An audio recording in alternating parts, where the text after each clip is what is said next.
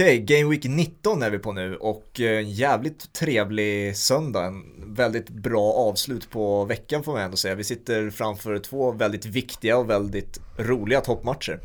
Eh, Juve-Milan har spelat ungefär 10 minuter och Real Madrid-Sevilla ytterligare en seriefinal i La Liga. Det känns som att jag säger det ja, varje Game Week nästan eftersom att den där jävla titelstriden vill aldrig bli klar. Det kommer gå in i den sista omgången och de drar igång nu i princip. De ska dra igång om några minuter.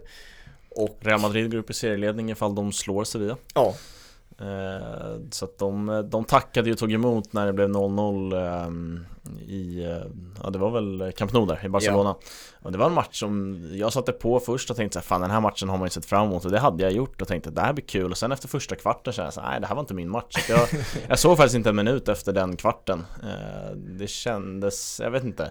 Den kanske var svinbra, jag har ingen aning för jag såg den inte. Men det, jag kände direkt att så här, nej det var inte den där Det var inte den där laddningen och taggningen som jag hade hoppats på. Eh, Och sen vet jag inte ens vad jag såg istället för matcher men jag såg inte så mycket av den i alla fall. Nej, det var väl en bra, det är en bra fotbollsmatch. Det är två jävligt bra lag med toppkvalitet runt, alltså hela matchen var ju liksom, det är kvalitetsfotboll. Och det, jag nämner ju det ganska ofta, det märker man ju ofta när man tittar på allsvenskan och sen skiftar liksom ganska snabbt inpå. Ah, och kommer till en sån där toppmatch, då fattar man okej, okay, det, det är här man ska hänga om man vill se kvalitet liksom. Men eh, ja, 0-0 är ju aldrig kul och det, när man hör en 0-0 match när Barcelona och Atletico har spelat, då vet man ju exakt vad som har hänt. Barcelona har spelat sidledsfotboll och Atletico har grötat liksom. Det är liksom, det, ja, det var ju det som skedde liksom. Jag såg på Twitter i paus att det var typ så här fyra, fem passningar av vardera lag in i offensivt straffområde. Ja. Och det är ju alldeles för lite liksom. Och det, nej, den där, den där kvaliteten och orken fanns väl inte för att gå, gå före fullt ut. Och Atletico Madrid är ju ändå,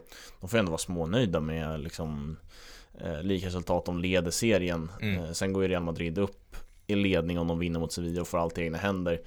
Men det där skadeskjutna laget med Marcello kaptensbindeln liksom, det, det, är inte säkert att de vinner mot Sevilla eh, Så att Atletico Madrid får väl ändå kliva ur, ur den matchen som det nöjdaste laget Men du tippade ju också, jag vet både inför hela säsongen men också har sagt det tidigare att den här eh, Atletico Madrid-Barca-matchen var du ju väldigt taggad för just eftersom att Luis Suarez skulle få vara med och han missade ju den första ah, matchen exakt. eftersom att han fick corona där. Eh, ja, han hade en frispark mitt på mål och han filmade, försökte filma till sig en straff. Det var ju typ det som det ja, man tog med sig Frisparken hans... såg jag, men sen så här, den, just den laddningen hade också lite försvunnit i mig för att han har ju haft en ganska tung period. Ja. Eh, så att jag kände inte heller att det, det, det fanns inte i honom att eh, liksom, ta ut all den ilska som säkert finns inom honom för att han blev dumpad av Barcelona på ett ganska liksom, okänsligt sätt. Mm. Eh, men kvaliteten fanns ju inte där just i den här stunden. Eh, och alldeles säker på att det hade blivit väldigt utslagsgivande ifall Luis Suarez hade varit i toppform som han var i början av säsongen. Det är både Zlatan som vi ser nu och eh, Luis Suarez, de, har, de lider ju lite av samma sak. Ganska grov måltorka båda två under hela den här våren. Liksom.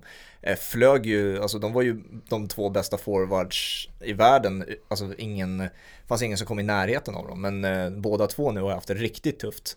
Eh, ska bli intressant nu att se också om eh, vad det blir med Zlatan och Milan nu om det ens blir Champions League. Det är ju det, så jävla sjukt att säga, Juventus-Milan som tävlar om att etablera sig som topp 4-lag i Serie A. Det är ju så jävla sjukt att säga bara det. Ja, Juventus är ju verkligen etablerat uh, där uppe men uh, den här säsongen är det faktiskt Juve som har jagat i kapp och Milan som har tappat vilket är helt ja. sjukt.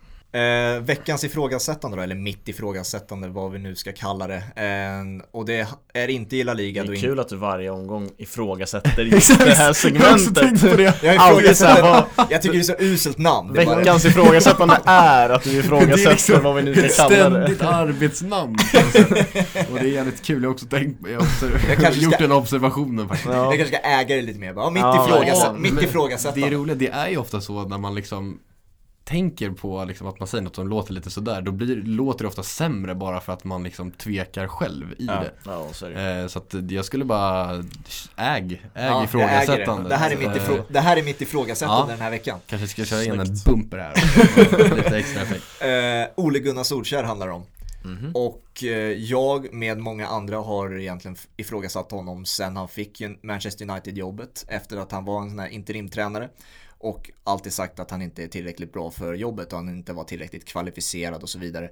Och att han var begränsad på det sättet taktiskt, att han inte kunde liksom styra upp sitt lag på samma sätt som världstränare kan göra. Vi har eh, till exempel, ja Pep är den tydligaste exemplet, men det finns ju så många fler som har en tydlig spelidé. Jag har aldrig kunnat identifiera eh, eh spelidé. Men jag liksom ifrågasätter mitt, tid, mitt tidigare ja, eh, har jag börjat göra nu. Och jag ifrågasätter mm. alla de som inte tycker att Solskjaer faktiskt är, det är så jävla sjukt att säga, rätt man för jobbet. Oh. Han, är, han gör det så jävla bra just nu.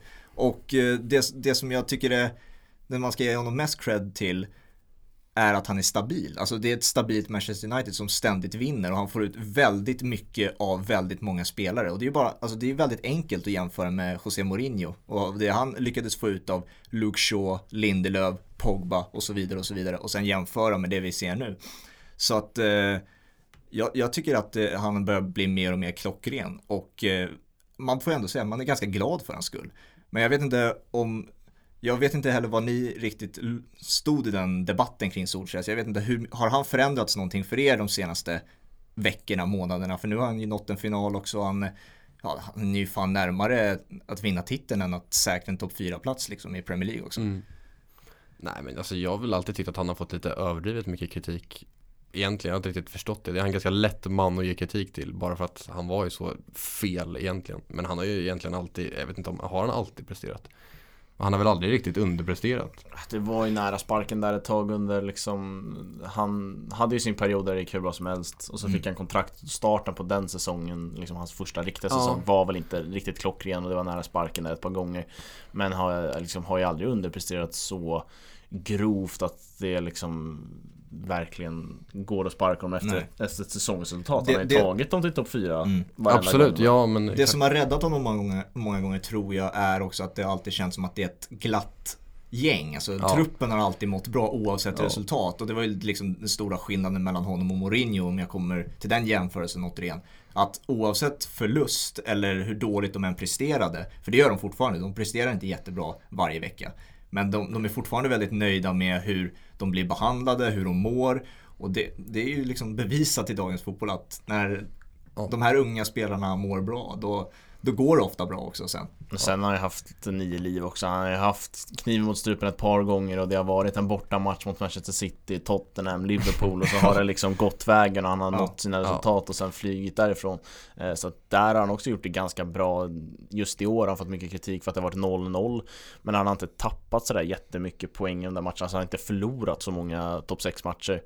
Nej. Eh, och har ju ett väldigt imponerande facit mot eh, Pep Guardiola och Manchester City som jag inte tror man ska underskatta. Det är ändå stadsrivalen som liksom har ju blivit all, en allt större rival även om Liverpool liksom alldeles säkerligen är den största rivalen i, för Manchester United så är det ändå en stadsrival som har kommit upp och varit bättre mm. eh, i många år nu eh, och där har han ett bra facit så att eh, jag, jag, håller med dig till viss del sen kommer jag, jag vet inte, det är liksom, det är väl något personligt man har mot honom av någon anledning men jag tror att jag kommer aldrig acceptera att han är rätt man för jobbet och att det är liksom att det inte finns väldigt mycket bättre tränare där ute som skulle göra det bättre.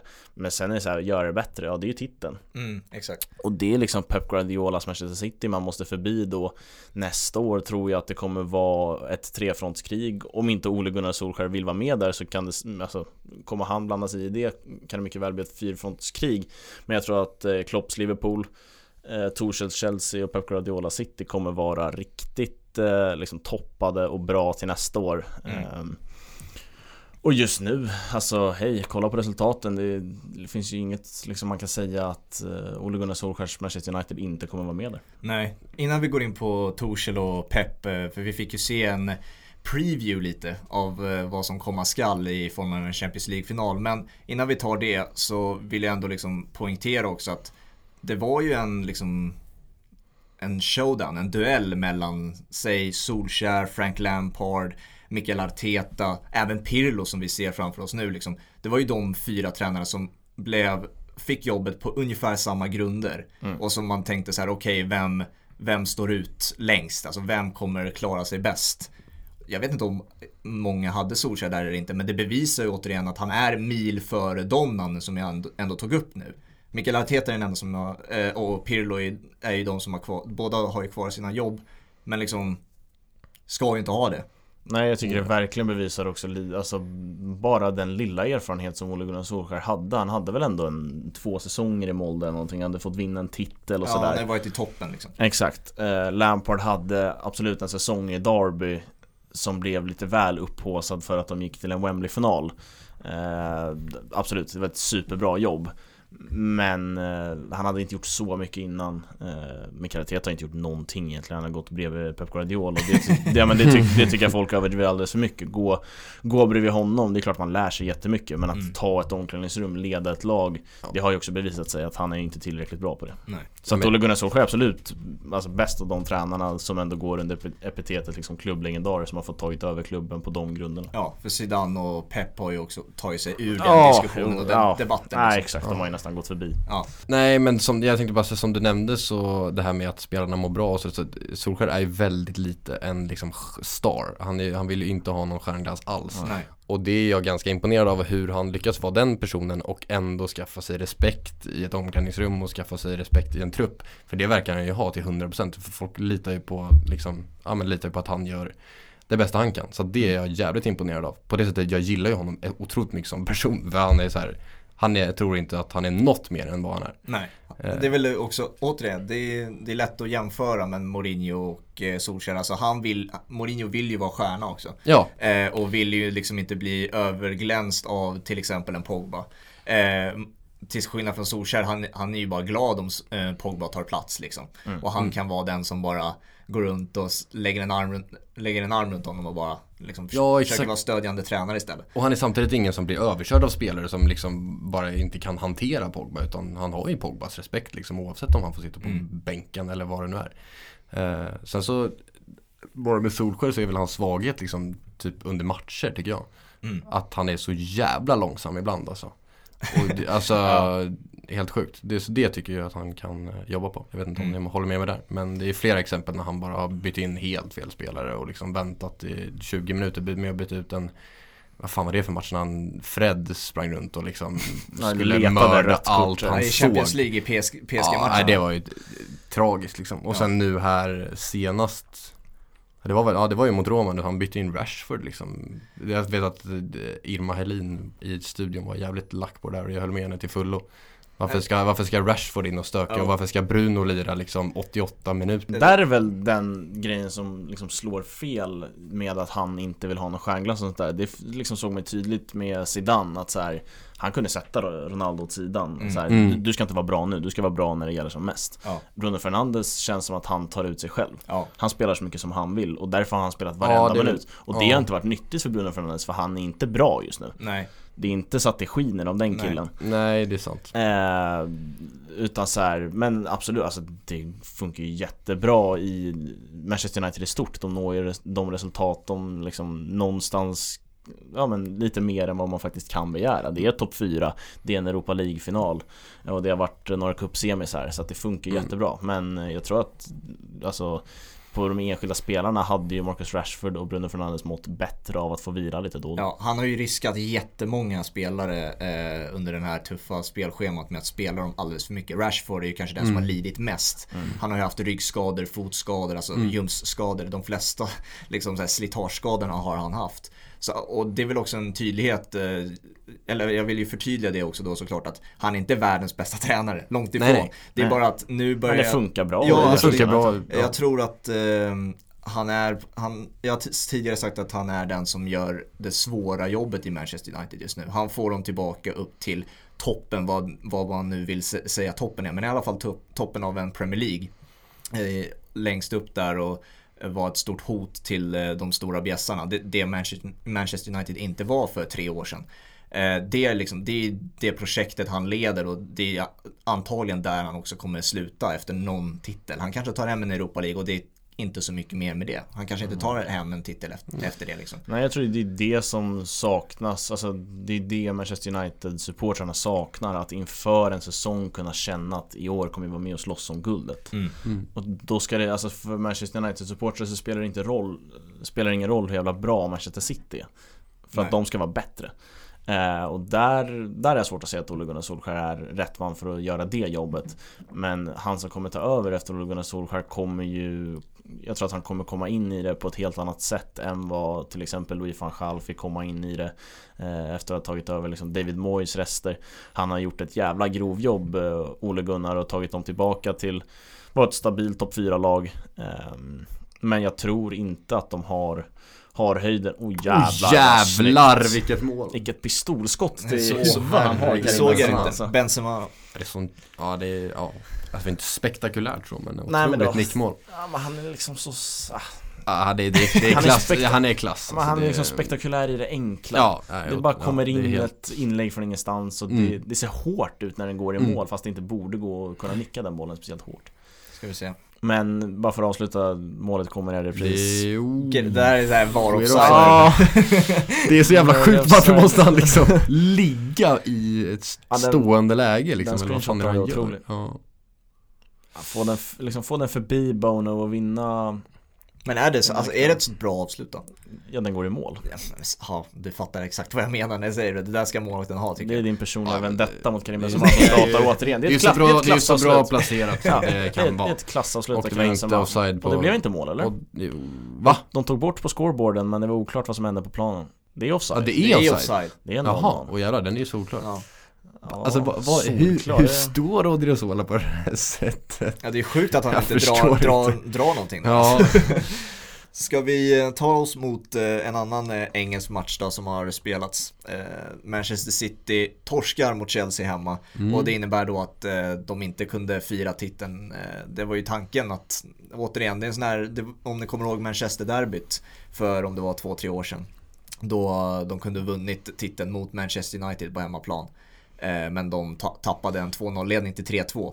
Ja exakt Eh, Det, det är här var ju... jävligt modernt över att vinna titeln i kostym Ja, För att exakt, det, ja det är ju känslan att de kommer göra igen För att Mm. United ska spela två matcher till innan City får chansen att spela igen Ja. eh, däribland en mot Liverpool också så. Ja den det- vinner de väl ändå men Det kanske de gör, men det hade, Nej, varit, men hade de haft Newca och West Ja, Brom liksom, exakt. så. Det finns ju vissa som tror nu att City kommer tappa allt United Ja, alltså det, det roliga är ju att vinner United mot uh, vilka är det nu de möter näst, det vet jag inte Men eh, De vinner resten det- av sina eh, matcher. Nej men vinner de nästa match då är de sju poäng ifrån mm, Ja. Och det finns ju ett helt otroligt eh, Jag tror inte det kommer ske men det finns ju en, ett helt otroligt Gerard moment i Sergio Agueros chipstraff Ifall de skulle rasera Ja. och tappa allt Så är det eh, Men det är liksom, jag ser det inte hända men det momentet Alltså han, jag tror inte han mår speciellt bra över den chippen idag Oh, Chiellini upp, öppet. Ehm, den, den var grymt onödig och sen, jag vet inte, det, återigen, jag har bara sett fotboll hela helgen men återigen en match jag inte såg en minut av för jag var inte speciellt sugen på att se den här matchen. Vad fan har du sett då? Just under den matchen kollade jag Borussia, Borussia Gla- Mönchengladbach mot München Ja. och Lewandowskis jakt på rekord. Eh, Och Sanslöst de som eh, slapp fira i kostym, de fick fira i matchtröjor. Ja, kul för dem. Ja, verkligen. Men utan, alltså eh, utan Ja, ölen Ja, exakt. Det var väl så för um, covid antar jag. Mm. Att man inte ska springa Ja. runt och kramas Ja, som de absolut inte gör annars. Nej precis Nej, fram med ölen igen alltså. Stövlarna Nej men det var, jag vet inte, det var någonting över den matchen. Jag, jag var inte speciellt sugen. Det var ju, alltså det var intressant att den matchen kom liksom. Det är ju Champions League-finalen som Mm. väntar. Ja, Men eh, jag orkade inte lägga speciellt mycket värdering i den här matchen och hur Champions League-finalen kommer se ut. För det är två helt olika matcher. det, det är det jag vill... Det, Och på det, Twitter var det liksom Manchester City-supportrar var väldigt tydliga med att det var B-lag som ställdes upp och Chelsea svarade med att jo men det är vårt B-lag också. Bara, ja, ja okej, de här trupperna kostar 400 miljarder Ja. båda två. Exakt. Kalla det era B-lag om ni vill men det är inte speciellt men, fräscht. men det är ändå det jag vill... Det är ändå det jag vill... Fräsch Det är det jag vill diskutera med er, alltså hur mycket ni tror att det här kommer påverka Champions League-finalen. Alltså för att, om du, i och med att du säger nu att du inte såg eh, någonting av matchen då. Nej, jag har ju sett nyckelmomenten liksom. Ja, men, andra, själva halvlek, andra halvlek kan jag bara beskriva för er. Det är en överkörning av Chelsea. Mm. Alltså City har inte en chans. Och det, det tyckte mm. jag även i, eh, om det nu var, nej det var FA-cupen i och med att City vann Carabao. Eh, I FA-cupen att Chelsea var ju det bättre laget i den matchen. Mm, Det känns, alltså, ja, efter de här två matcherna känns det ju som att Tuchel har Peps nummer. Och det är ju såklart väldigt eh, slarvig analys om man bara tar det som, eh, alltså de här två matcherna och sen antar Champions League-finalen. Mm. eh, För att det kommer, som du sa, det är helt olika matcher. Men det jag tror kan påverka är ju Peps förberedelser Absolut. Mm. För att nu har han testat två olika formationer ja, mot Torshäll. det är sant. Och han kommer antagligen testa en tredje för att ingen mm. av de här två tidigare har funkat. Eh, det var med en falsk nia i semifinalen som han har kört i Champions League. Det funkade inte. Han testade en 5 slash 3 backslinje den här gången. Funkade mm. inte. Så vi får ju se hur han väljer att ställa upp nu liksom. Eh, och vi vet ju liksom att det är ju Peps favoritgrej och det är det jag också har sagt att det är det som kommer fälla honom i finalen, att han kommer övertänka. Mm. För att Torshäll han, han behöver inte tänka något mer för att det han gör just nu funkar. Det var en Torshäll masterclass återigen eh, den här helgen. För de som inte såg matchen. Det, alltså, det var målchans på mål. Det var liksom fri gata många gånger. Mm. Eh, och Chelsea gör ju också två offside-mål. Ja, exakt. Ja, Både det... Werner och eh, Hudson-Odoi har bollen i mål. Just det. Chock att Werner hade en boll i mål. det är ju verkligen, det är ju helt sjukt vad han lyckas göra mål när men det, då är det offside. Ja, det är alltid alltså, offside. Det är alltid det. Jag vet inte hur många gånger, alltså jag vet inte hur många gånger jag har sett Werner liksom titta ut mot linjedomaren och se besviken ja, Det är liksom, jag, jag har den bilden så klar i mitt huvud på något sätt. Och han ser, jag vet, han ser så ut som en blöt katt. Ja, alltså, han är så ledsen han alltid, när han tittar ut. exakt. Ja, det, det var ju också en rolig, liksom om man följde Werner lite extra, för det, det är många som ändå gillar att göra det. Jag är en ja. av dem, följer honom och hans dueller genom matchen. Mm.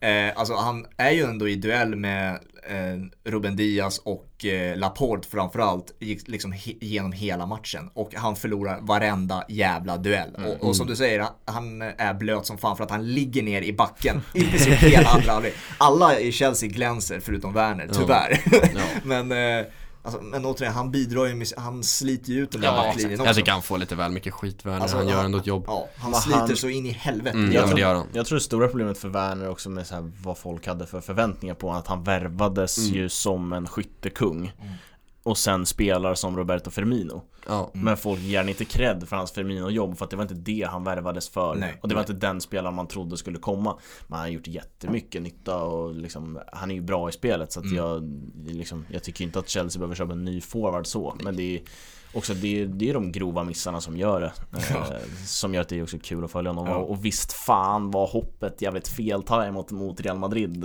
Liksom det, det, hade kunnat, ja, det hade kunnat slutat med ett hopp och liksom bollen är på gässan. Och... ja, gud ja. Feltajmat. Det hade ju varit, då hade han ju liksom fan då fått gå idel. Då hade, då hade han fått en timeout eller något. Ja, då hade det inte absolut. gått alltså. Nej. Nej, för fan. Nej. Men eh, N'Golo Kanté, spelade han ens i den matchen? Ja. Så de, de nyckelspelarna som inte spelade i vardera lag då, så i Chelsea var det Thiago Silva och Mason Mount och Kai Havertz som inte spelade.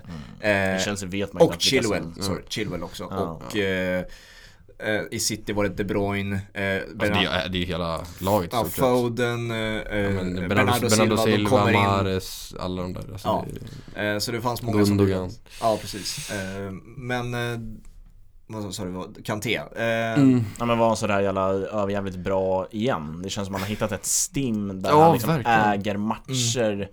På, liksom, på bara det sättet han kan äga ja, matcher. Nej, men det är liksom en trött Rodri mot Kanté. Det i, just nu finns det bara en, mm. en som vinner den duellen. Mm. Eh, och jag, För han, alltså, han börjar ju växla upp till en EM-form där han kan, på liksom ett Kanté-sätt genom att vara väldigt bra på ett centralt mittfält Eh, och vara bra mellan straffområdena. Ja. Han börjar växla upp till en EM-form där han kan bära Frankrike ja. till ett EM-guld. Nej men han, han, har också matchernas sämsta passningar. Och det är ju inte det liksom han är Nej det är inte det han ska han, stå han, för. Nej det är inte det han är bra. Det finns en i första halvlek. Han, slår, det, han får en liten studsande boll. Han slår en indianare upp i luften mot, jag tror det var Jorginho. Och liksom han blir överkörd av Citys mittfältare liksom för han ska plocka ner bollen från, alltså, en från ambulanspass. Ja exakt.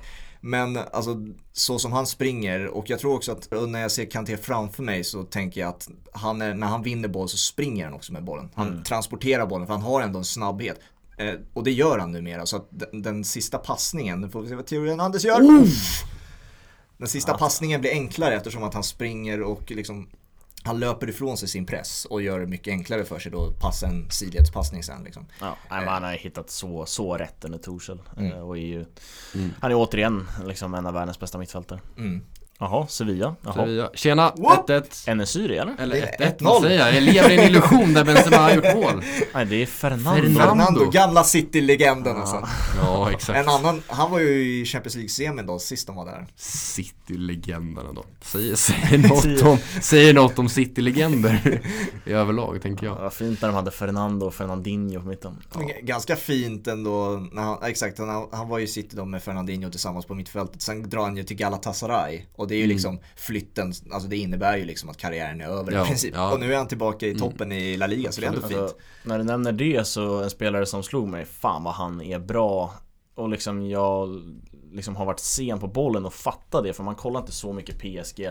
Men jag tycker även i det här dubbelmötet mot City där inte PSG är speciellt bra så är Leandro Paredes fantastisk. Ja. Han, han är även en mittfältare som kan göra saker med bollen nu för tiden. Ja. Eh, och han var ju liksom Roma, det gick väl så helt okej okay, och så drar man till Zenit mm. och då är det över. Ja, eh, men så plockar PSG upp liksom, de behövde en rollspelare, en kille som behövde en kille som egentligen bara skulle liksom stoppa anfall, en jättedefensiv mittfältare som nu under Pochettino fått mycket mer utrymme med boll och gör det riktigt bra. De tog upp det i Viasat-studion inför något av dem att de, liksom, man såg de här passningarna som bryter linjer med mm. bara en passning kunde mm. slå ut två lagdelar.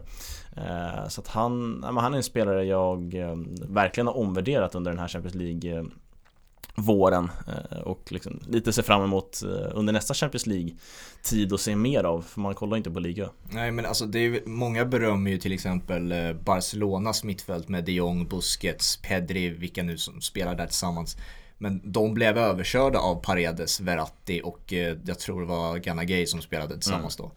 Men det kan lika gärna vara Herrera där eller något sånt där. Mm. Det är ett bättre mittfält idag. Liksom, ah, det PSG-mittfältet. Och det var någonting man sa att PSG hade en hyfsad backlinje tidigare med Thiago Silva och Marquinhos. Eh, kanske har haft ganska dåliga ytterbackar med Kursava som har varit där väldigt länge och så mm. vidare. Och sen alltid haft en skitbra forwardslinje liksom. Men mittfältet har oftast varit det som sviker dem. Lite det vi ser av Juventus just nu. Ja, verkligen. Eh, så det, det är en liksom Återigen, vi kommer alltid in på, känns det som, när man ska diskutera lag som inte riktigt är där än det krävs två, tre värvningar och sen är man liksom i, i hamn om man vill spela på den absoluta toppnivån.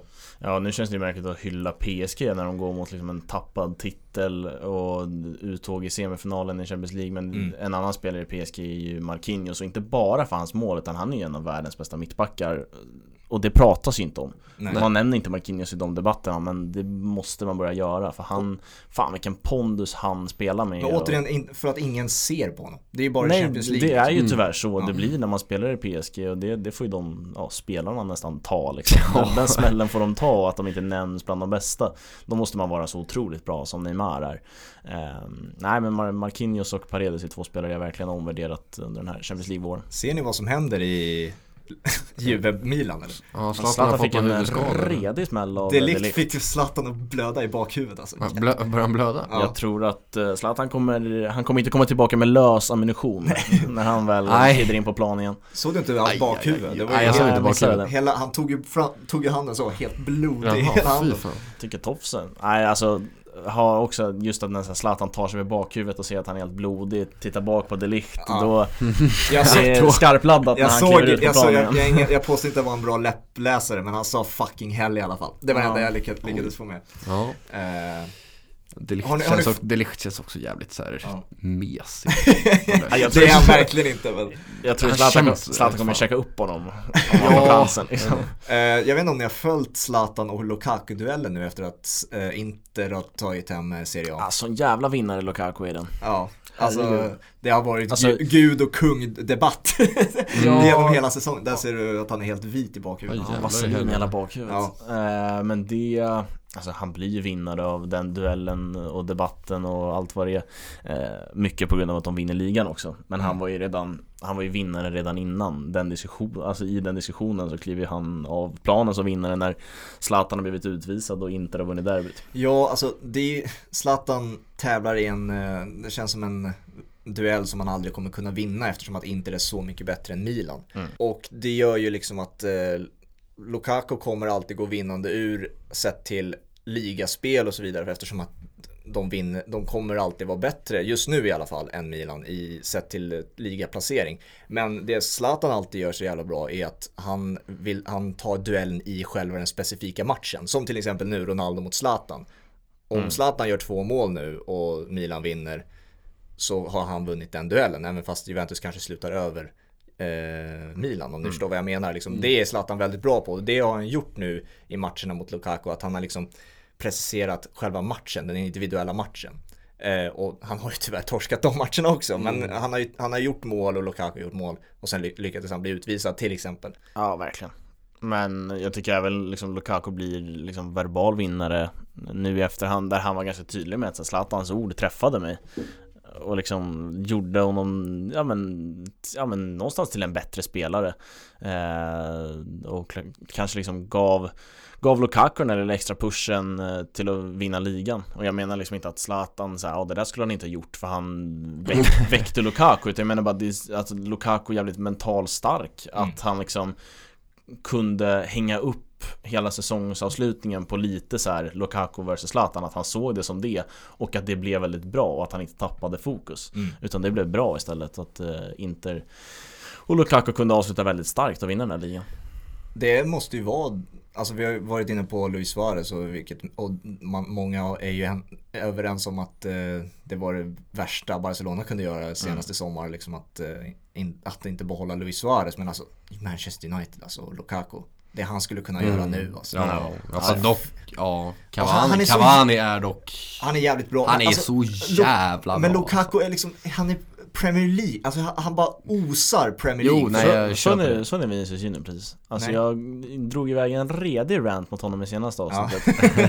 Och här bjöd han ju på ett riktigt klassavslut får man säga Får se det. Eller inte Och hej Ja, det, fy fan alltså.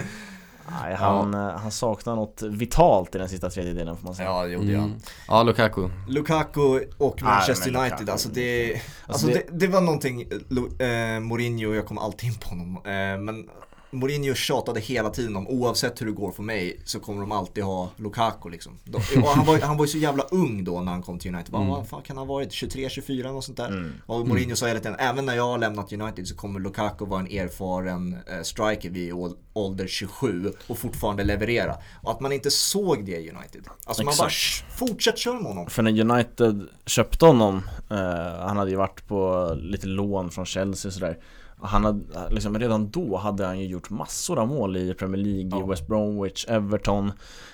Um, Och han gjorde ju mål även den här säsongen Men det blev ju väldigt tydligt att det, liksom, det var någonting som inte funkade och han skulle bort.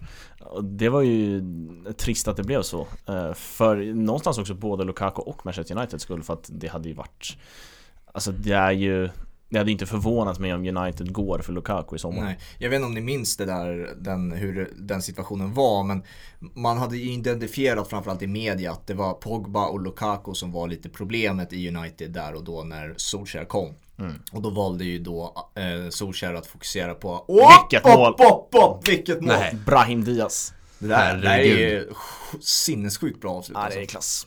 Det är klass. Eh, innan vi ser reprisen bara fortsätter att eh, då hade ju Solskjaer ett val där att välja mellan Pogba och eh, Lukaku. Och ni kanske minns att Pogba flög ju där i början under Solskjaers ah, mm. interimtid där. Och Lukaku... Minns framförallt att FPL-poängen ramlade in och jag, och jag satt inte med på det tåget då. Nej. Okay. Nej men eh, och Lukaku fick sina inhopp och så vidare. Men man valde också att satsa på Rashford som nia. Det var liksom det som, eh, det var Solskjaers liksom plan att göra Rashford till eh, en eh, officiell nia. För han hade ju varit kantspelare mycket under Mourinho.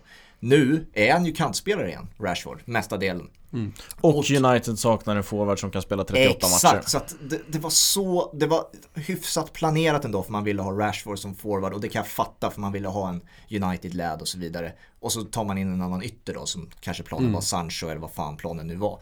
Men nu, nu har det ju blivit så, Rashford är en kantspelare.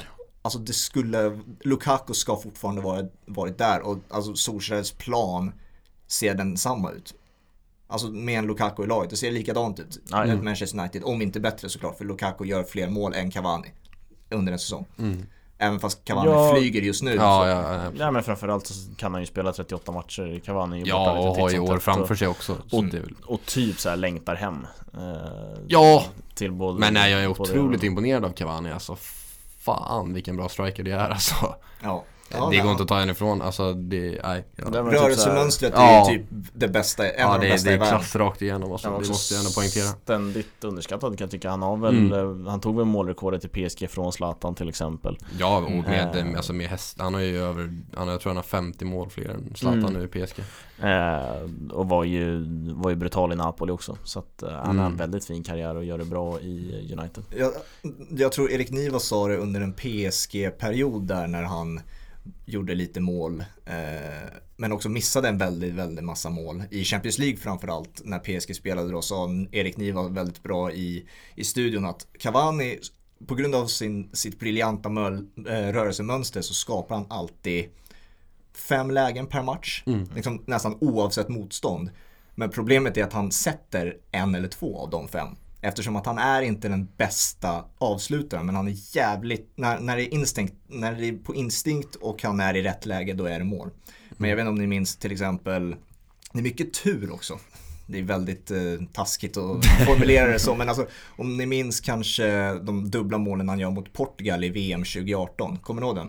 Mm, det är när han blir typ skjuta alltså, Han blir skjuten han, i, i facet, inte i pannan, fast i det, facet Ja fast det är väl ett otroligt mål om det är det jag tänker på när drar iväg ett skott som liksom går långt utanför och han kommer skjuten som en kanon och nickar in det. Alltså det, det är det jag menar att det är ett fantastiskt rörelsemönster, han tar sig in i helt rätt yta. Men han blir också, alltså han hinner inte ens reagera och få en panna på det. Utan han får den på kinden och den går rakt upp i krysset. Ja, alltså, det, det, finns något väldigt, det finns något väldigt strikermässigt över det. Jag säger bara att kanske om Zlatan, Lukaku, Ronaldo och så vidare är där då, jag tror mm. den landar på pannan. Det är bara det jag menar. Ja, alltså, jag tror att han, Men han är en fantastisk huvudspelare också. Ja, alltså, det, alltså jag tar inte ifrån honom nej. någonting. Jag säger bara att det, det är kanske är det som skiljer dem åt lite. Ja, han, okay. han, mm. missar väldigt mycket lägen också, ja, men det, Cavani.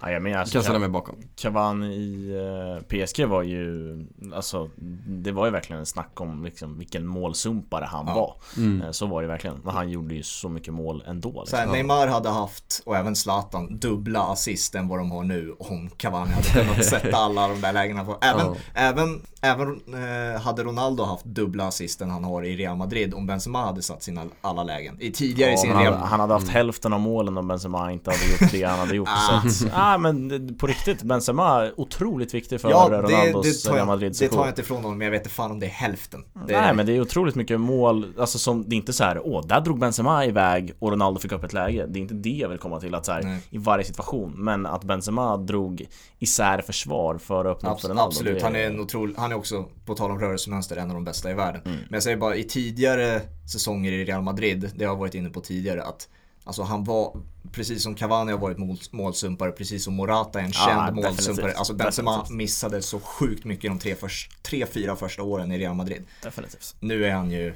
ja, en, av, en av, om inte den bästa forwarden i världen. Mm. Vi, vi eh, snappat upp mycket, mycket Mourinho-snack. Vi får väl anledning att ja, gå tillbaka till Mourinho. precis på det. det Han har ju fått ett nytt jobb. Ja, det är en händelse som har präglat min eh, vecka. Ja, mm. alltså det, och jag, ja. vi, sorry, vi har, vi har ju Serie A-avsnitt nu den kommande fredagen med Svanemar. Så det, vi kommer mm. diskutera det också det väldigt mycket där. Mm. Men det är ju intressant för dig också som fan. Och mm. berätta hur du känner att Mourinho kommer till din klubb liksom. Ja, nej men Mourinho har ju en effekt. Jag vet inte om den är så alltså den är ju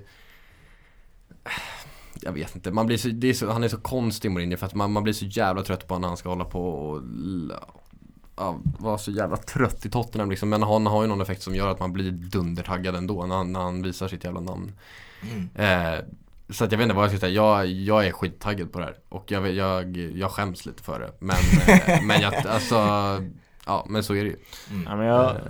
liksom som utomstående läst alltså mer än många andra liksom, nya tränare, nya värvningar överlag läst reaktioner från Roma-supportrar mm. Framförallt då i liksom svenskt format där det var en stor enkät eh, på deras svenska fansida med liksom Gusten och många andra mm. liksom kända Twitter-romanisti eh, där ja, men, tongångarna är positiva och det, ja. att det ska bli jävligt kul att Mourinho liksom tar över Roma och den, den känslan kan jag verkligen förstå. För mm. att Framförallt nu när han får gå ifrån engelsk fotboll, det är en annan liga. Eh, men det finns något med Mourinho som, han har en otrolig jävla dragningskraft. Och ja. man får direkt en känsla att så här, Fan kan han bara hitta tillbaka till sitt gamla? Kan han få ett projekt han verkligen, alltså där han verkligen får det han vill ha värvningsmässigt?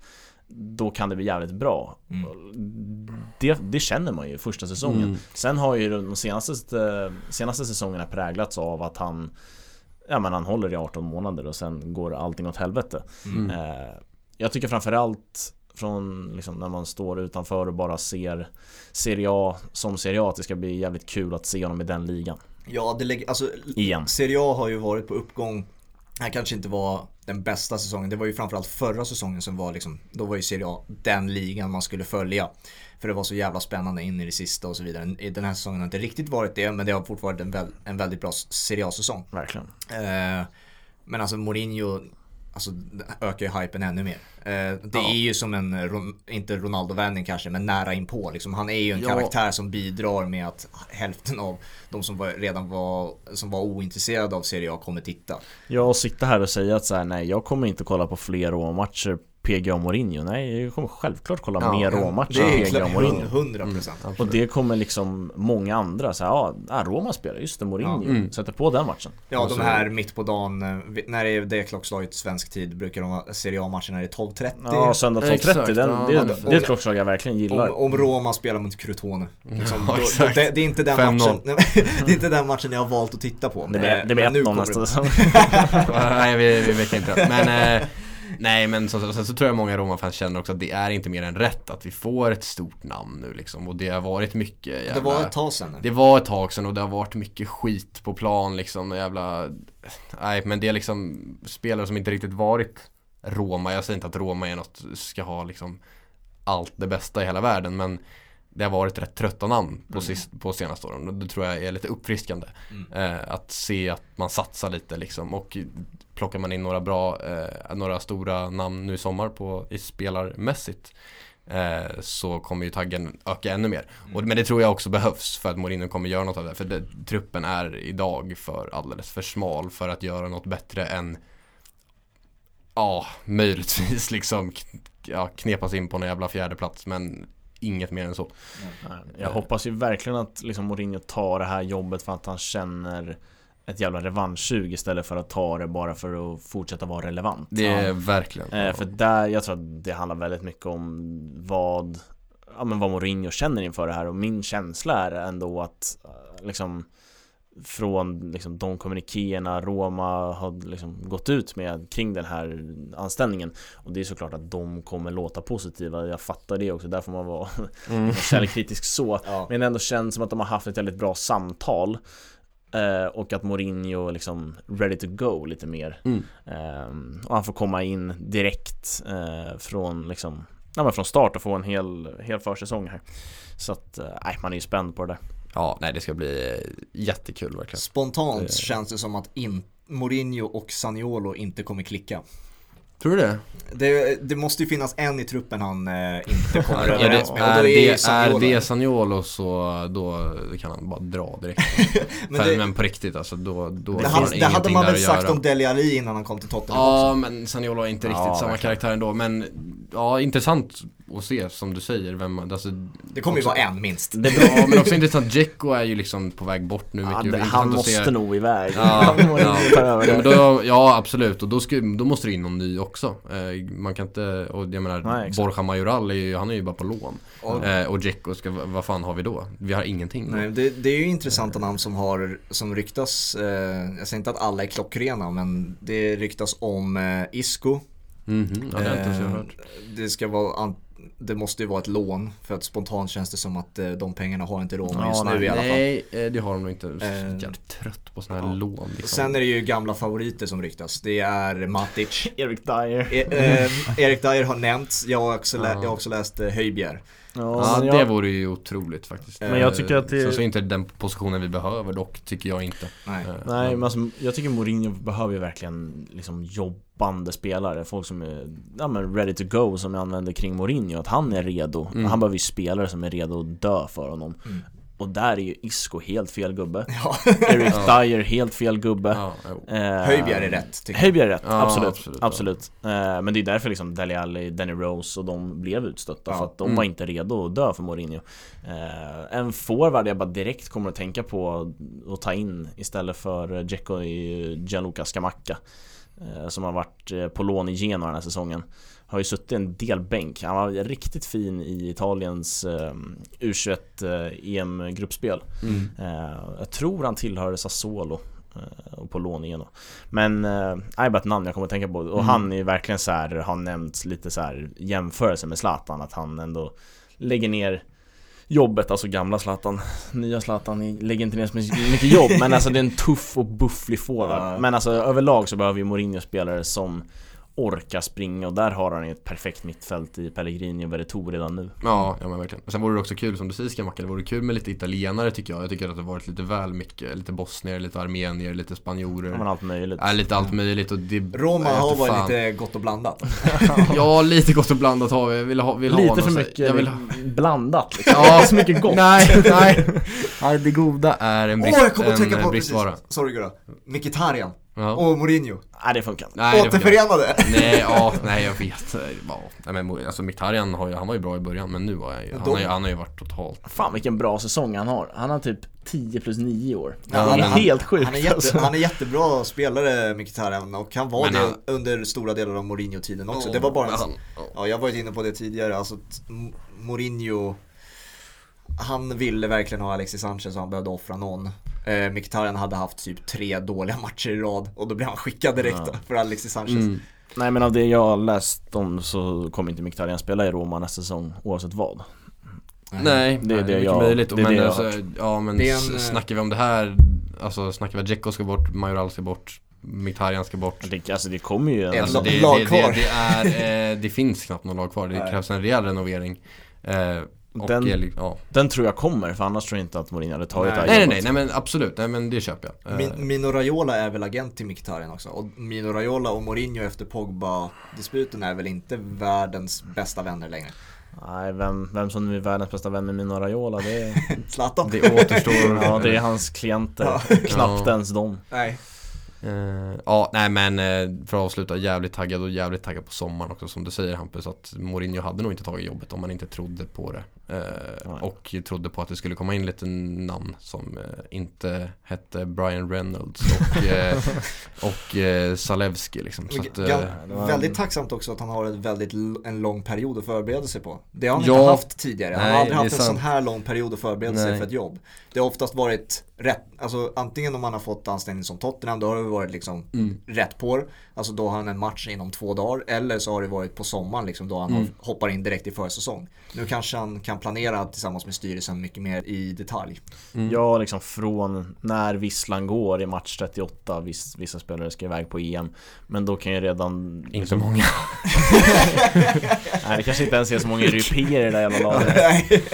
Eh, men någon italienare ska väl iväg och spela. Ja. Men eh, truppen kan liksom ställa sig in på redan när visslan går i omgång 38 att nu spelar jag för José Mourinhos lag. Mm. Eh, de som har kontrakt. Och det, alltså det är en anpassning eh, som spelarna måste gå igenom också. Eh, där kan man väl hitta någon sorts förklaring till varför det gick som det gick i Tottenham. Att de tvingades ställa om till Mourinhos ändå ganska krävande spel mitt under säsong. Eh, och det liksom tog slut, jag menar energin att jobba för Mourinho tog slut snabbare än i någon annan klubb. Eh, så att, nej, det blir ju sjukt intressant att följa. Mm. Mm, det blir kul. Det leder mig lite in på, ska jag testa er lite i en liten tränar eh, tränarquiz. Det går, går snabbt. Kör. Det tar typ så här, ja, men det går snabbt. Ja. Eh, lite snabbt. Det handlar om före detta tränare, alltså en klubbs eh, en klubbs eh, föregående tränare.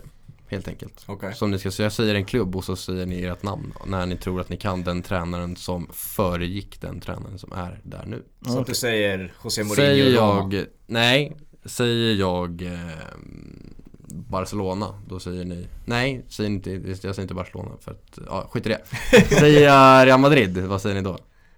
Eh, Rafa Benitez Nej, det var, Lopetegui var ju där Ja, då säger ni Lopetegui. Jag har, ing- jag har inte Säger- det, det kan säkert vara. Säger AIK, säger Rickard Nej! Det- Säger, det- säger det- jag AIK. Det är Solari var det. Sorry. Säger AIK, eh, då säger ni Rickard Norling. Nej, exakt. Ni säger ert namn och sen säger ni Rickard Fan, Norling. det här kände jag nu. Mm. Jag fick tre försök på Real Madrid och bommade alla. ja, eh, då säger jag Manchester United. Ja, Fabian. Det är José Mourinho. Det är rätt. Ja, det var ju han, jävlar vad sjukt alltså. Då säger jag Barcelona. Åh, vad fan hette han nu då? Fabian, Mm, sätt igen. snyggt. 2-0. Eh, då säger jag Roma. Mm. Åh, vad hette den då? Hampus. Eusebio Di Francesco. Fyra. Jaså? Varför var det någon efter honom? Ja. Nej, han, han kommer jag inte kunna plocka. Ja men du kan ju räkna med att Mourinho tränar så är det ju Paolo Fonseca. Nej, det, Nej, stämmer, det, det, är inte det, heller. det var någon mellan, mellan de Åh två. fan. Han, lyckad tränare. Exakt. Ska jag tala om vem det är? Ja, säger vem det? Claudio Ranieri. Ja jag menar ju det. Åh! Menar ju det. Riktig Så han gick till Sampdoria efter Roma då? Mm. Ja, okej. Exakt. Eh, då säger jag eh, Newcastle. Ja, Fabian. Rafa Benitez. Snyggt. Då säger jag Red Bull Leipzig. Ja, då Nagelsmann är där nu då. Eh, Så innan honom. Eh, Exakt. Leipzig. Eh, Fabian. Var det Ralf Ragnick? Det var Ralf Rangnick. Var det alltså? 4-0. Då säger jag Napoli. Tänk, tog på riktigt några sekunder och vem som tränar dem. Fan, var det innan Gattuso? Säger Hampus Rafa Benitez. Fel. Nej, Hans var namn har 2016. cirkulerat mycket här känner jag. Jaha, Fabian. Maurizio Sarri. Vad sa du? Maurizio Sarri. Nej, fel. Fabian. Mm. Carlo Ancelotti. Rätt. Och sista. Eh, Bologna. Nej, här, här kan man inte en jävel. Eller? Är det en Ja, det, namn det, det, är ett väl, det, är väl, det är ett välkänt namn. Senisa Mihailovic nu i alla Ja, fall. vi hittar Mm. inte han. Vem föregick honom? Det är, ett, det, är, det, är, det är ett väldigt välkänt namn. Är det så? Ja. Jag visste inte att han var tränare, att han hade varit tränare i den här klubben. Men... Eh, Det känns som Senisa har varit där länge också. mm, kommer inte riktigt ihåg. Har han varit det? Fabian. Mm. Prandelli. Nej. Nej. Ventura. Montella. Alla de jävla. men eh, det är en eh, välkänd italiensk striker som heter Pippo Inzaghi. Jaha, där. vad- det var innan Benevento då? Det var skönt att han Mm. eh, gjorde som man ska i Italien och ta ett Serie B-lag först. Nej, exakt. Men han var så snurra i Milan eh, och Bologna. Innan han hittade rätt får man säga. Mm, stor slam Fabian. Snyggt Mm. jobbat. Stod Men still där. eh, ja det gjorde det. Eh, Whoop, nu kommer Bentancourt! Nej. Ja, matchen är igång alltså. Ja jag tänkte att det var, det var ju nyss studio liksom. Jag stod ju nyss där och snackade. Jag tänkte så här, jaha det är väl repris här. Det är ingen upphetselse över. Nej. Men vi har väl min hjälte kvar då. då. Ja, Eh, kör. Jag vet inte, det har varit en helg, det har varit svårt, eh, Ja, det är svårt att få det är fram nu. Ja men det finns liksom några, det finns några spel som har gått in. Eh, Mike Dean och Lahos gjorde ju verkligen jobbet att dela ut sina kort i de matcherna de dömde det här, eh, den här veckan. Men det landar ändå i, eh, trots att FPL-säsongen är helt över för mig Så, Premier League tänker du då? ja Premier League verkligen. Eh, Allsvenskan går ganska fint trots en hemsk omgång, vi kanske kommer till den. Det är väl ingen som har nått över 40, 40 poäng. Men, eh, nej men jag liksom, man har gett upp Det kommer en jävla trippelomgång från ingenstans. Man liksom panikar, panikar iväg minus 8 Men så satt jag där, jag har ingen rolig kapten Så jag drog iväg minus 4 till för att få in Eberechi Esse i laget. Och så, Mm. han, han, Det är han, sånt jävla val han att göra. får, Det. eh, han får bindeln liksom, jag måste ha en rolig kapten. När, när allt annat är kört så måste jag ha en kapten som är lite skojig istället för att sitta där på Bruno Penandes Ja. eh, Så det blev Eberechi och han har ju lekstuga Ja, hans Total. mål är ju fantastiskt. Ja. Underbart! Eh, där, där började vi vår, eh, vår Premier League-säsong i den här podden med lite olika kategorier som bot, gått både bättre och sämre. Eh, Ja. Där Eberechi Esse haft en väldigt fin säsong i Palace. Eh, Genombrott var det, det var min Mm. tippning. Ja, det var ju din ja, exakt. Där, eh, där har du ju liksom någonstans fått rätt om han blir liksom hela Premier Leagues nykomling Det går ju liksom inte att att eh, gå på det priset för att, eller så här, Premier Leagues bästa unga spelare är väl det priset som finns egentligen. Mm. Och det är typ upp till match 23, så Raheem Sterling kan väl fortfarande vinna. ja, men det är väl Foden skulle jag tippa. Ja, ja det verkligen. måste bli det. Och det blir väl Foden som också är det, liksom det bästa genombrottet. Men mm. Esse har ju haft en fantastisk eh, säsong och liksom landslagssnack som det alltid blir eh, när man är från mm. England och gör det hyfsat bra i Premier League. Mm. Så att han fick binden och han hade lekstuga och det är fortfarande en match kvar när FPL-omgången. Så att eh, lite liksom ljus i mörkret eh, kring min FPL-säsong som inte alls har blivit det jag hoppades på. Nej.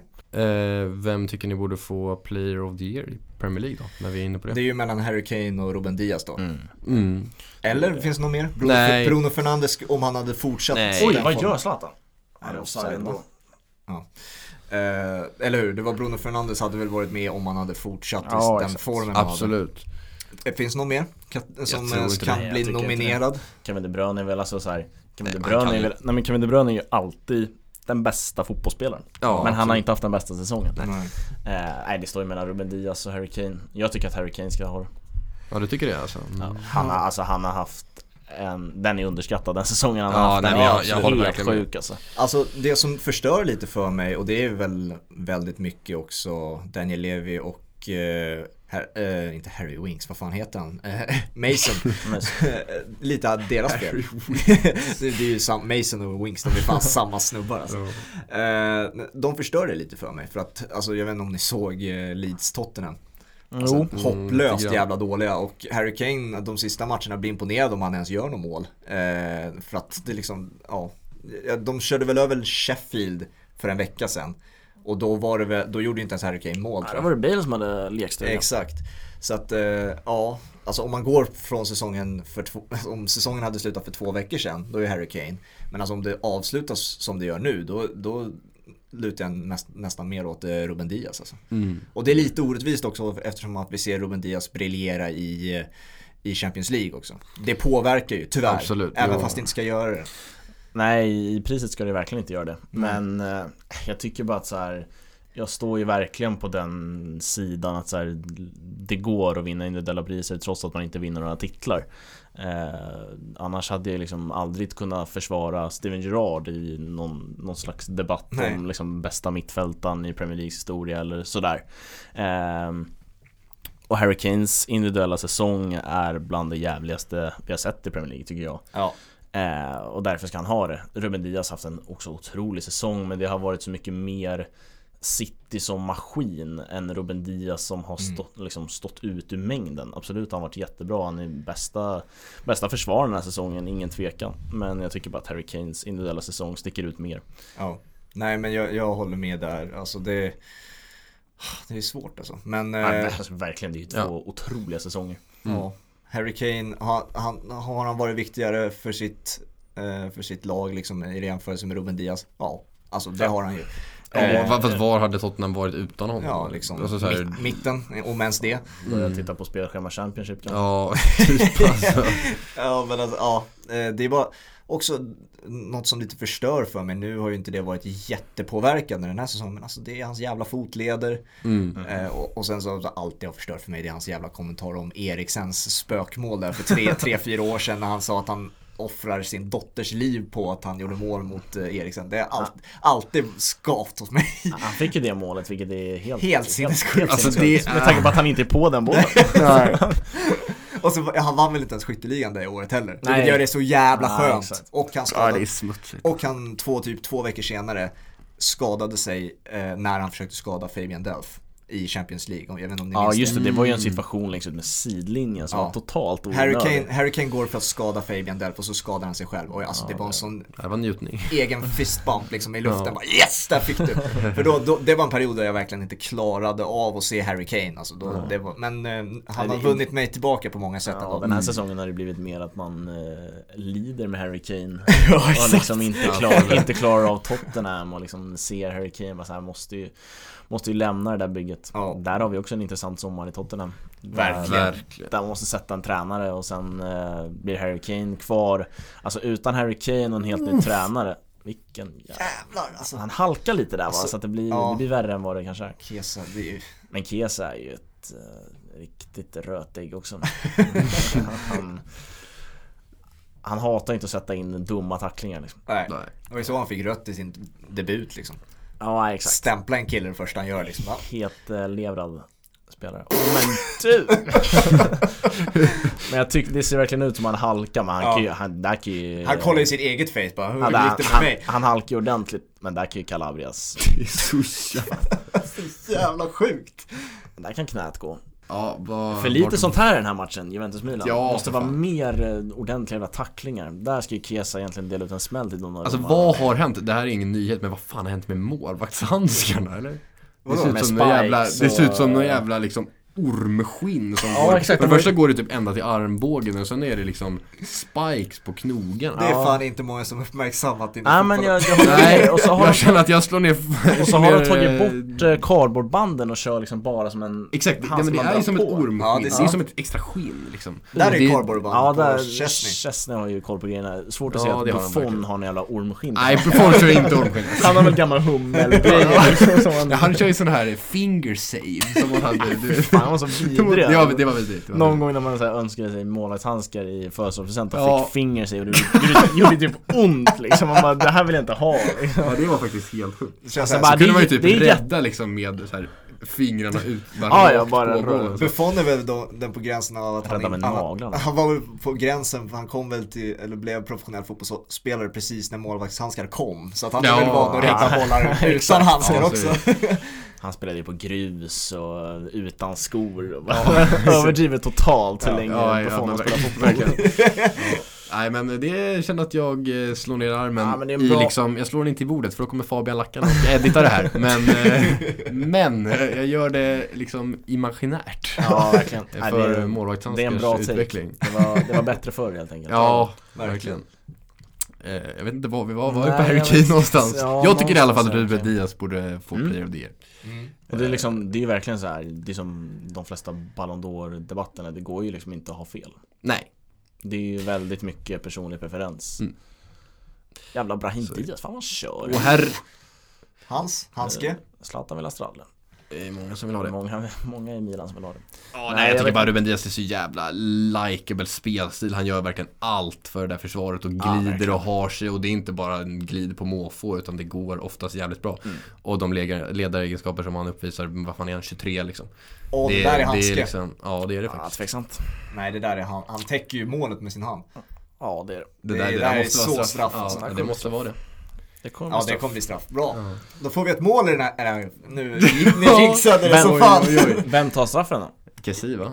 Ja, jag tror också Kessi. Jag tror inte Zlatan... Han har haft ett uselt strafffacit eh, den här säsongen. Och han har ju också så här... Alltså vad fan är det för försvarsspel? Alltså, ja, jag har aldrig det, sett tycker, det tycker jag är liksom intressant med Zlatan för alla har ju liksom i alla tider vetat att han har bara ett hörn där han lägger ja. 80% av straffarna. Och han, han har fortsatt göra det den här säsongen men eh, först nu egentligen har ju keeprarna läst honom. Ja det finns ju en, eh, alltså ett känt klipp som har gått runt den här veckan, jag tror Fotbollskanalen också la ut den på Ronaldo där. Ah, När han säger till Chesney, du vet var han lägger den någonstans. Och så går Chesney åt fel håll! Ah, jag bara, vad fan gör du för något? Verkligen, för Ronaldo, eller Zlatan lägger ju i i hans hörn så att säga. Ja. Och det blir straff nu också som, som vi sa. Straff. Eh, och det roliga med det klippet är också att så här Ronaldo och Zlatan ganska harmlöst efter skrattar ju åt varandra ja. för att så här Ronaldo undrar säkert vad håller Chesney på med? alltså jag sa ju åt dig ja, vart du slänga dig. Och Zlatan lägger den i det hörnet. För det är också, den straffen han slår där, han bombar den så jävla hårt i det hörnet mm. också för att han tror att Chesney ska gå åt det hållet. Men när Zlatan slår så hårt ner i ett hörn då är ingen målvakt i världen som räddar den. Nej. det är liksom, ja det spelade ju ingen roll hur hårt han slår den för Chesney går ju åt fel håll. Får vi se vilket håll, om han går rätt den här gången då Ja, Kessie har ju varit eh, otroligt säker från ja, han, missar, han har väl inte missat en straff? Nej, inte vad jag har sett. Mm, inte Milan i alla fall. Eh, han tog väl straffar i Atalanta också. Säkert med den jävla strafffoten så... Mm. Han är, det är sådär Zlatan ser ut gråhårig då. Men, ja, det är Kessie som tar det. På tal om Atalanta, vad snabbt, har de gjort mindre än, än fem mål under en match den här säsongen? De torskade med 5-1 mot äh, Inter nu. Ja, där missade Kessie första straffen. Fan. fan vad jag jinxar! Ja, det är otroligt. Fan alltså. Då får vi ett mål. Jaha, nej, det får vi inte. Varför står det 1-0 till Milan? Det har blivit 1-0 till Milan. Brahim Diaz dunkar in den i krysset. Ja, då, då, då sa jag ju fel från första början. Vi har Ja, sett ett mål. Ja, du. ja, har fått det till Sevilla. Ja, exakt. Hagla målare men... Ja, där stod det 1-1 enligt mig Haglar mål, vet fan. Nej men enligt, det är ändå typ 200% om det, den matten nu stämmer mer än vad du trodde att det hade blivit. Men eh, tam straff. Bra straff. Väldigt dålig straff. Och nu är väl Zlatan tillbaka på straffarna. Ja, det är den där stirrstraffen som, jag jävla- som jag gör reklam för. Den där stirrstraffen. Ja, och det, det krävs sin spelare för att göra det. Jag tycker Kessie är en av de spelarna som bemästrar det men eh, Tydligen inte. Nej, inte i det här fallet.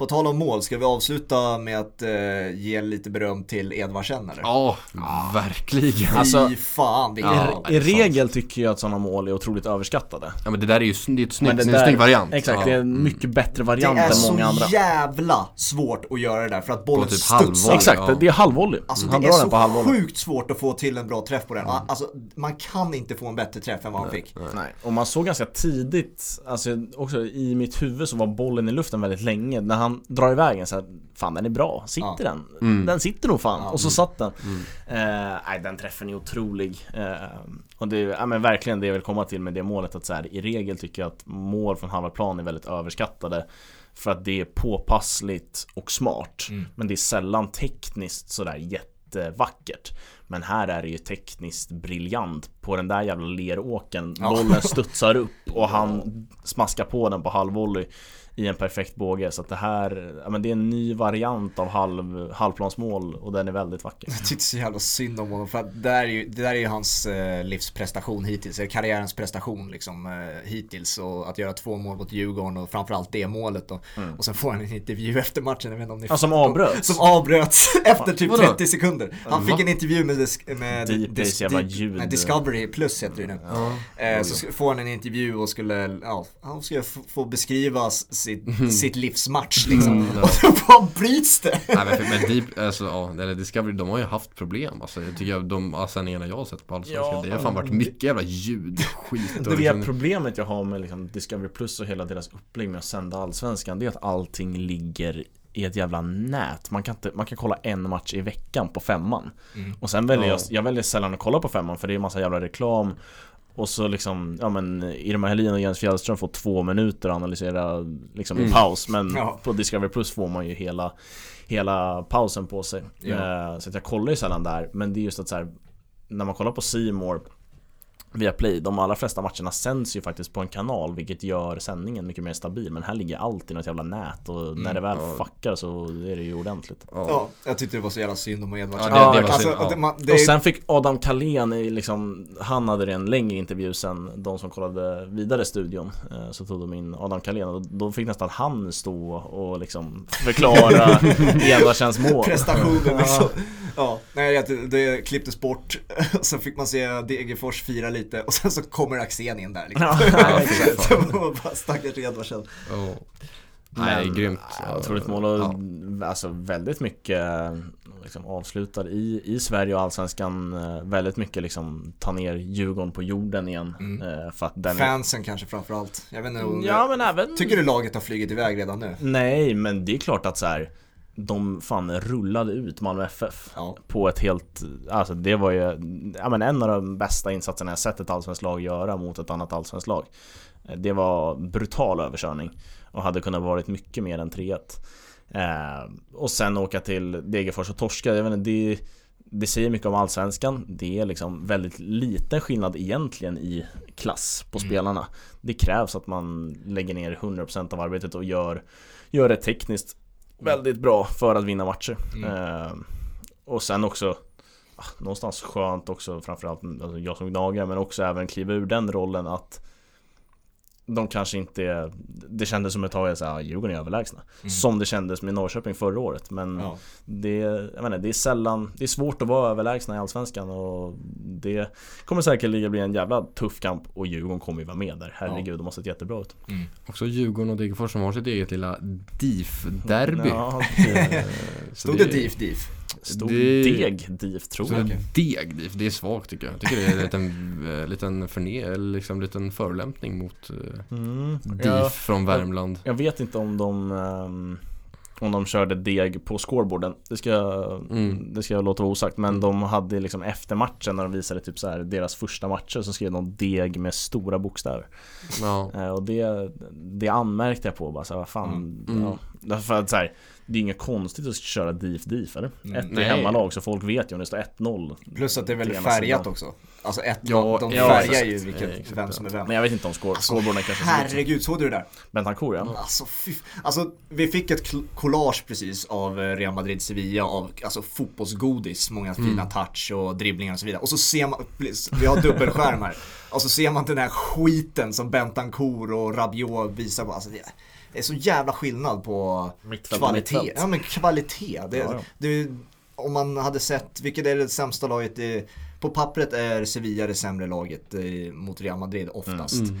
Och det sämsta laget här det är väl Milan kanske på pappret. Det får man ändå eh, Om de möts, Sevilla vinner med 4-5-0. Som det ser ut just nu. Alltså, ja, det är otroligt. Alltså det, det, är så stor skillnad och det är inte konstigt varför Juventus åker ut mot Porto och så vidare i Champions League när man ser den här skiten alltså. Nej. Jag tycker fan det är bra note att avsluta på. Ja, ändå.